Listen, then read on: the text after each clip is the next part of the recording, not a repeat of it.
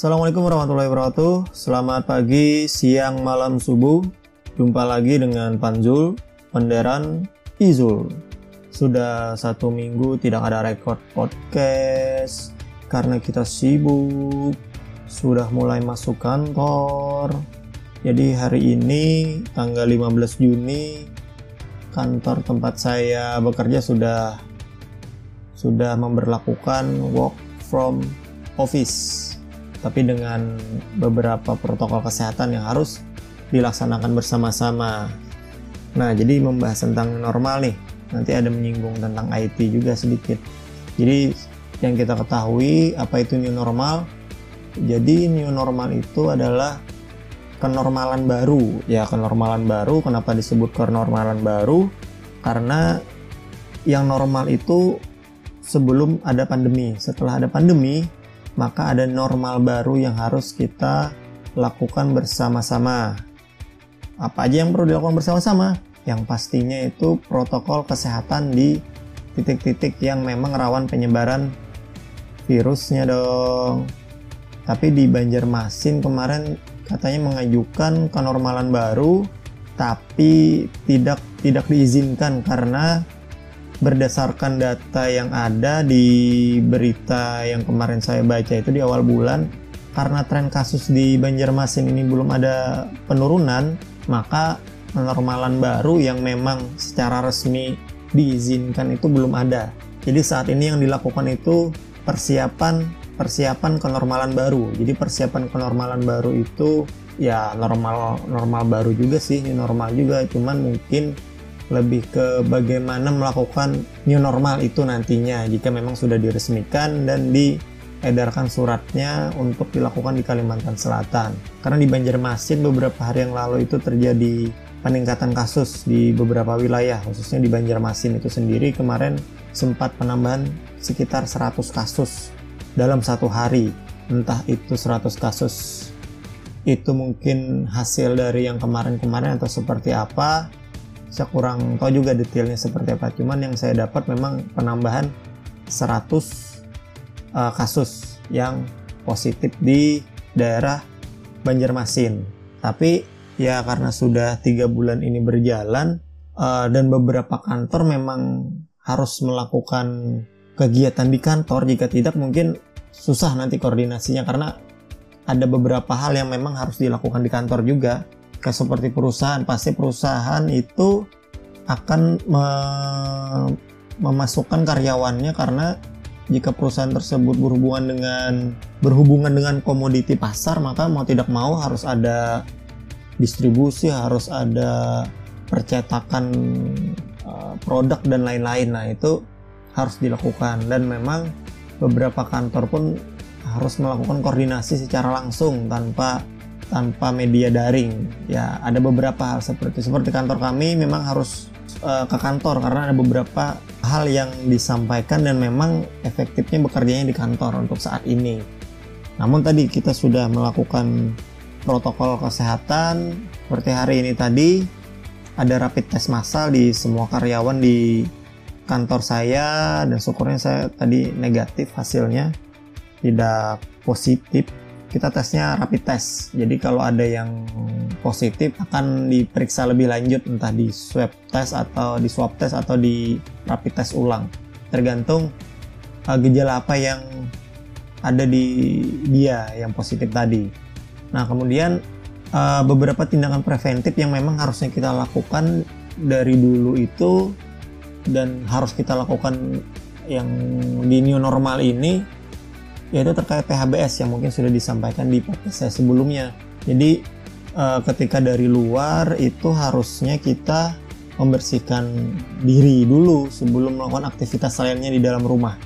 Jadi kalau kita dari luar, entah itu dari kantor atau dari pasar atau dari minimarket yang kira-kira bertemu dengan orang yang banyak, maka sampai rumah yang harus dilakukan itu ganti baju, mandi. Jadi mandi memang uh, salah satu hal yang akan kita lakukan di new normal ini. Salah satu tindakan preventif di lingkungan keluarga juga. Jadi itu hal yang harus dilakukan.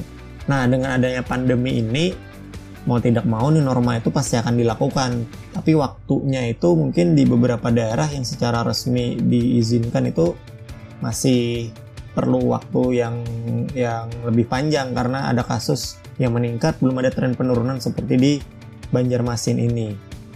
Nah namanya new atau baru berarti kan ada hal baru yang dilakukan. Tadi salah satunya dengan PHBS di lingkungan keluarga. Kemudian yang baru di lingkungan kerja yang pasti di tempat-tempat umum kemudian yang pasti harus kita lakukan di masyarakat uh, kebiasaan baru tersebut salah satunya selalu memakai masker ketika pergi ke luar rumah. Kalau bisa pakai uh, shield mask itu sudah banyak kan. Shield mask yang dijual itu. Jadi pelindung wajah atau mungkin pakai kacamata bening pakai masker pakai kacamata bening. Terserah lah yang mau yang mana dipakai senyaman mungkin. Kemudian bawa hand sanitizer jadi nanti mungkin hand sanitizer ini akan menjadi hal yang wajib dibawa mungkin oleh uh, pekerja-pekerja kantoran atau mungkin sabun cair milik pribadi. Jadi kalau memang ada tempat mencuci yang disediakan kayak di, tem di tempat kami memang ada beberapa titik untuk cuci tangan. Jadi sebelum masuk ruangan sebelum berinteraksi dengan barang-barang atau sudah berinteraksi maka dianjurkan untuk cuci tangan di tempat yang disediakan. Nah, yang pasti jaga jarak. Jaga jarak itu harus kita lakukan physical distancing. Karena di kantor, di tempat kerja itu pasti kita berjumpa dan berbicara dengan orang lain. Nah, hal ini kita lakukan dengan jarak yang jarak aman lah. Pakai masker, pakai sheet mask kalau perlu atau kacamata tadi agar air liur Anda Anda tidak ke mana-mana dan tidak mengenai orang-orang. Hubungannya apa? Dengan teknologi. Sabar-sabar. Ini mau saya jelaskan dulu. Nah, jadi dengan adanya new normal ini ada beberapa kegiatan yang mungkin dulu bisa dilakukan di satu tempat secara beramai-ramai, sekarang malah diganti dengan media daring.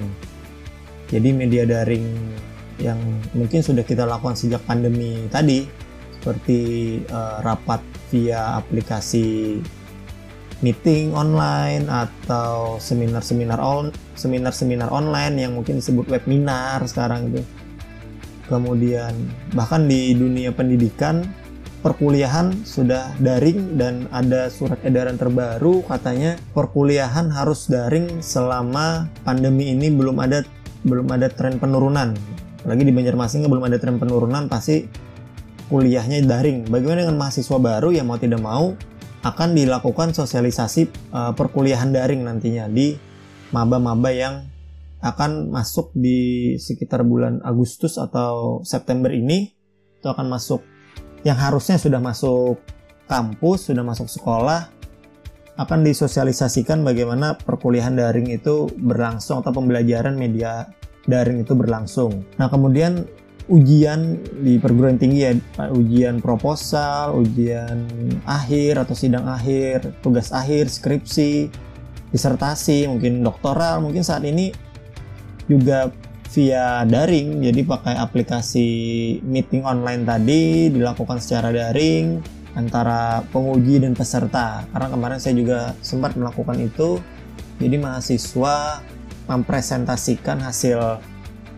hasil skripsinya, hasil tugas akhirnya secara online dengan pembimbing dan pengujinya. Ya, kalau seperti itu masih lumayan efektif lah dilakukan. Tapi mungkin yang jadi PR nanti praktikum berdasarkan arahan tadi praktikum ditaruh di pertemuan-pertemuan akhir. Jadi sehingga jika memang ada tren penurunan selama eh, enam uh, bulan ke depan ini maka ada kemungkinan uh, mahasiswa atau siswa bisa masuk ke sekolah lagi yang pasti dengan protokol kesehatan yang sudah diatur oleh tempat-tempat penyelenggara pendidikan tersebut. Kemudian selain itu, rapat-rapat yang biasanya dilakukan oleh kita pekerja kantoran itu di ruang rapat sekarang mungkin banyak yang via daring juga. Kemarin-kemarin kami rapat juga via daring. Nah, jika apalagi yang posisinya jauh ya, yang kemarin sempat ada PSBB itu pasti pakai daring apalagi kalau cabang-cabang perusahaan yang banyak tuh di beberapa daerah itu mau tidak mau kalau mau koordinasi ya secara daring. Koordinasi antar cabang itu pasti secara daring rapat daring. Kalaupun harus keluar kota biasanya ada hal-hal yang perlu diperhatikan. Apakah pertama apakah kota tersebut masuk zona merah atau zona hijau? Kemudian cara bepergiannya seperti apa? Apakah via darat atau via udara atau via laut yang pasti kalau via udara eh, dengan pesawat ada beberapa hal yang harus dilaksanakan berdasarkan surat edaran terbaru dari tim gugus depan percepatan penanggulangan COVID ini. Yang pertama itu identitas seperti KTP, SIM, atau mungkin KK, ya setidaknya ada ada identitas asli yang menunjukkan bahwa kita memang warga negara yang sah. Yang kedua itu surat keterangan hasil swab yang berlaku tujuh hari setelah surat itu dikeluarkan atau hasil rapid test yang berlaku tiga hari setelah uh, surat tersebut uh, keluar. Kan biasanya setelah satu hari dites langsung keluar, berlakunya yang swab tujuh hari, yang rapid test tiga hari.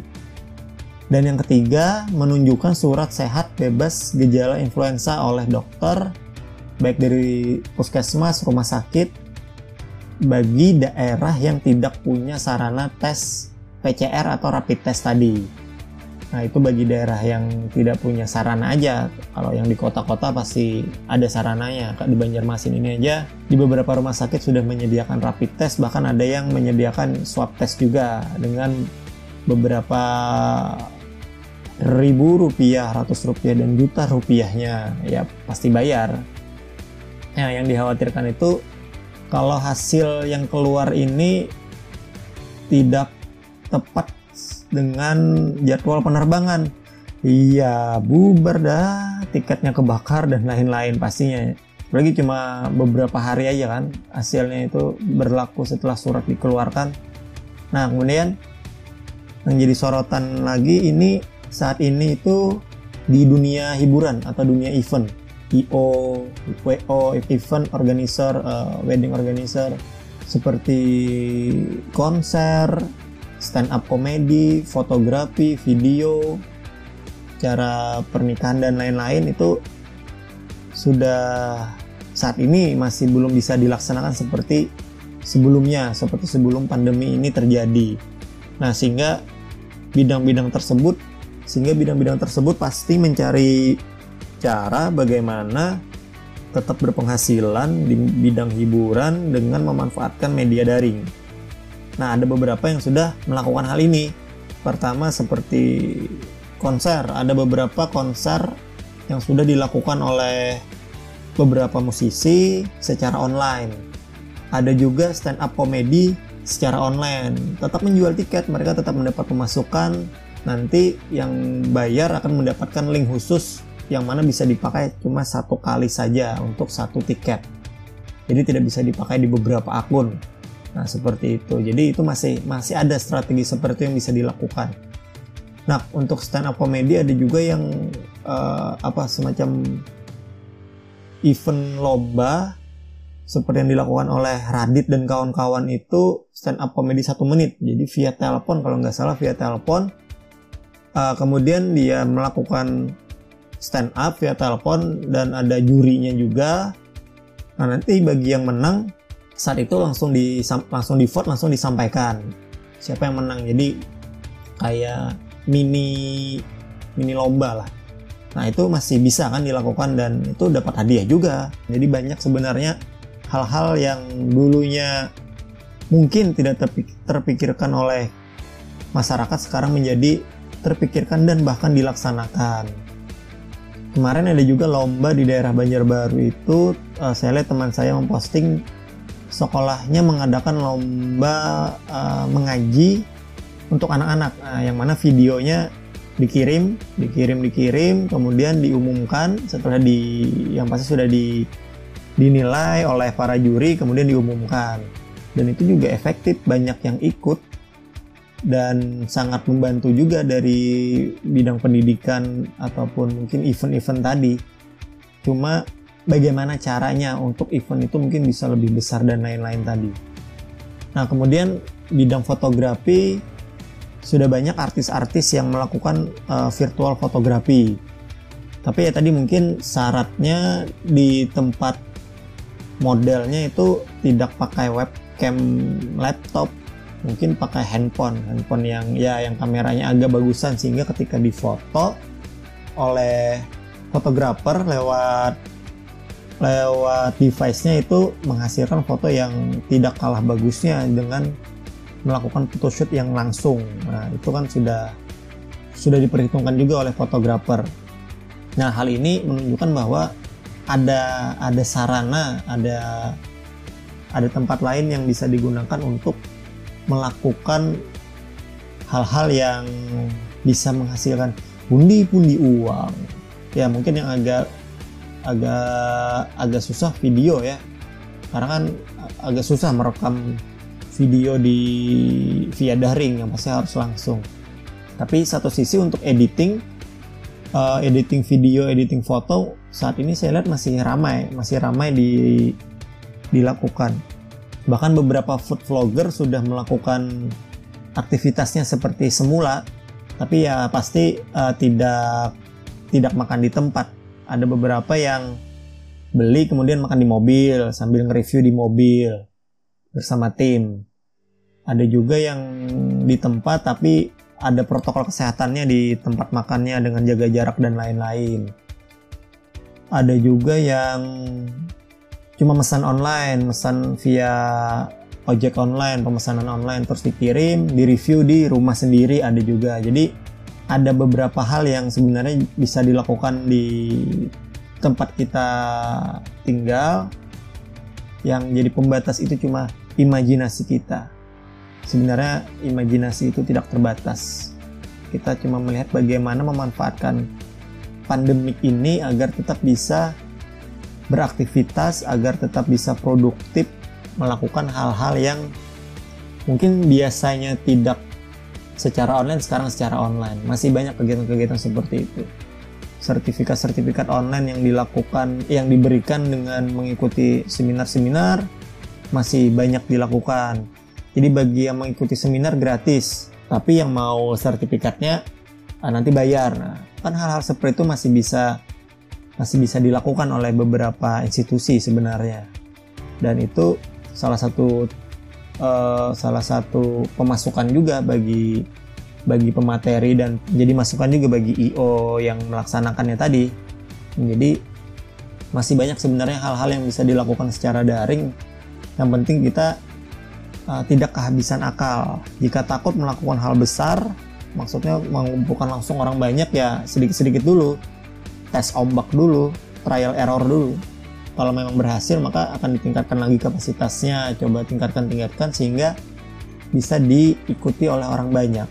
Nah, seperti kampus saya nanti ada dosen yang melakukan seminar internasional malah dengan webinar. Nah, itu kan bisa malah uh, pesertanya memungkinkan dari seluruh dunia karena diikuti oleh uh, diisi oleh beberapa pakar dan bisa ditonton oleh semua orang di dunia. Ya, tadi salah satu bentuk bentuk bentuk positif di new normal ini orang akan melek teknologi pastinya. Orang akan berlomba-lomba mempelajari bagaimana bagaimana melakukan kegiatan secara daring yang juga bisa menghasilkan hal-hal yang baru atau hal-hal produktif lainnya bagi kita sendiri. Nah, itu. Oke, itu aja di podcast kali ini tentang new normal dan apa-apa yang akan terjadi di uh, beberapa aspek kehidupan yang pastinya akan berbeda dari segi aktivitas, segi cara pandang terhadap orang sakit pun pasti beda nantinya. Orang batuk sedikit langsung curiga. Ya mau tidak mau itu salah satu bentuk kehati-hatian kita juga sih. Demam sedikit demam sedikit langsung khawatir ya. Itu mungkin tadi terbawa suasana juga. Jadi kalau anda yang punya kecemasan berlebih kurangilah baca-baca berita tentang covid ini. Takutnya nanti menjadi menjadi sugesti bagi anda sendiri itu juga menyusahkan anda dan keluarga nantinya Oke, terima kasih sudah mendengarkan. pastinya ada manfaat di pembicaraan ini bagi Anda dan bagi saya. Selamat pagi, malam, siang, subuh. Ciao. Wassalam.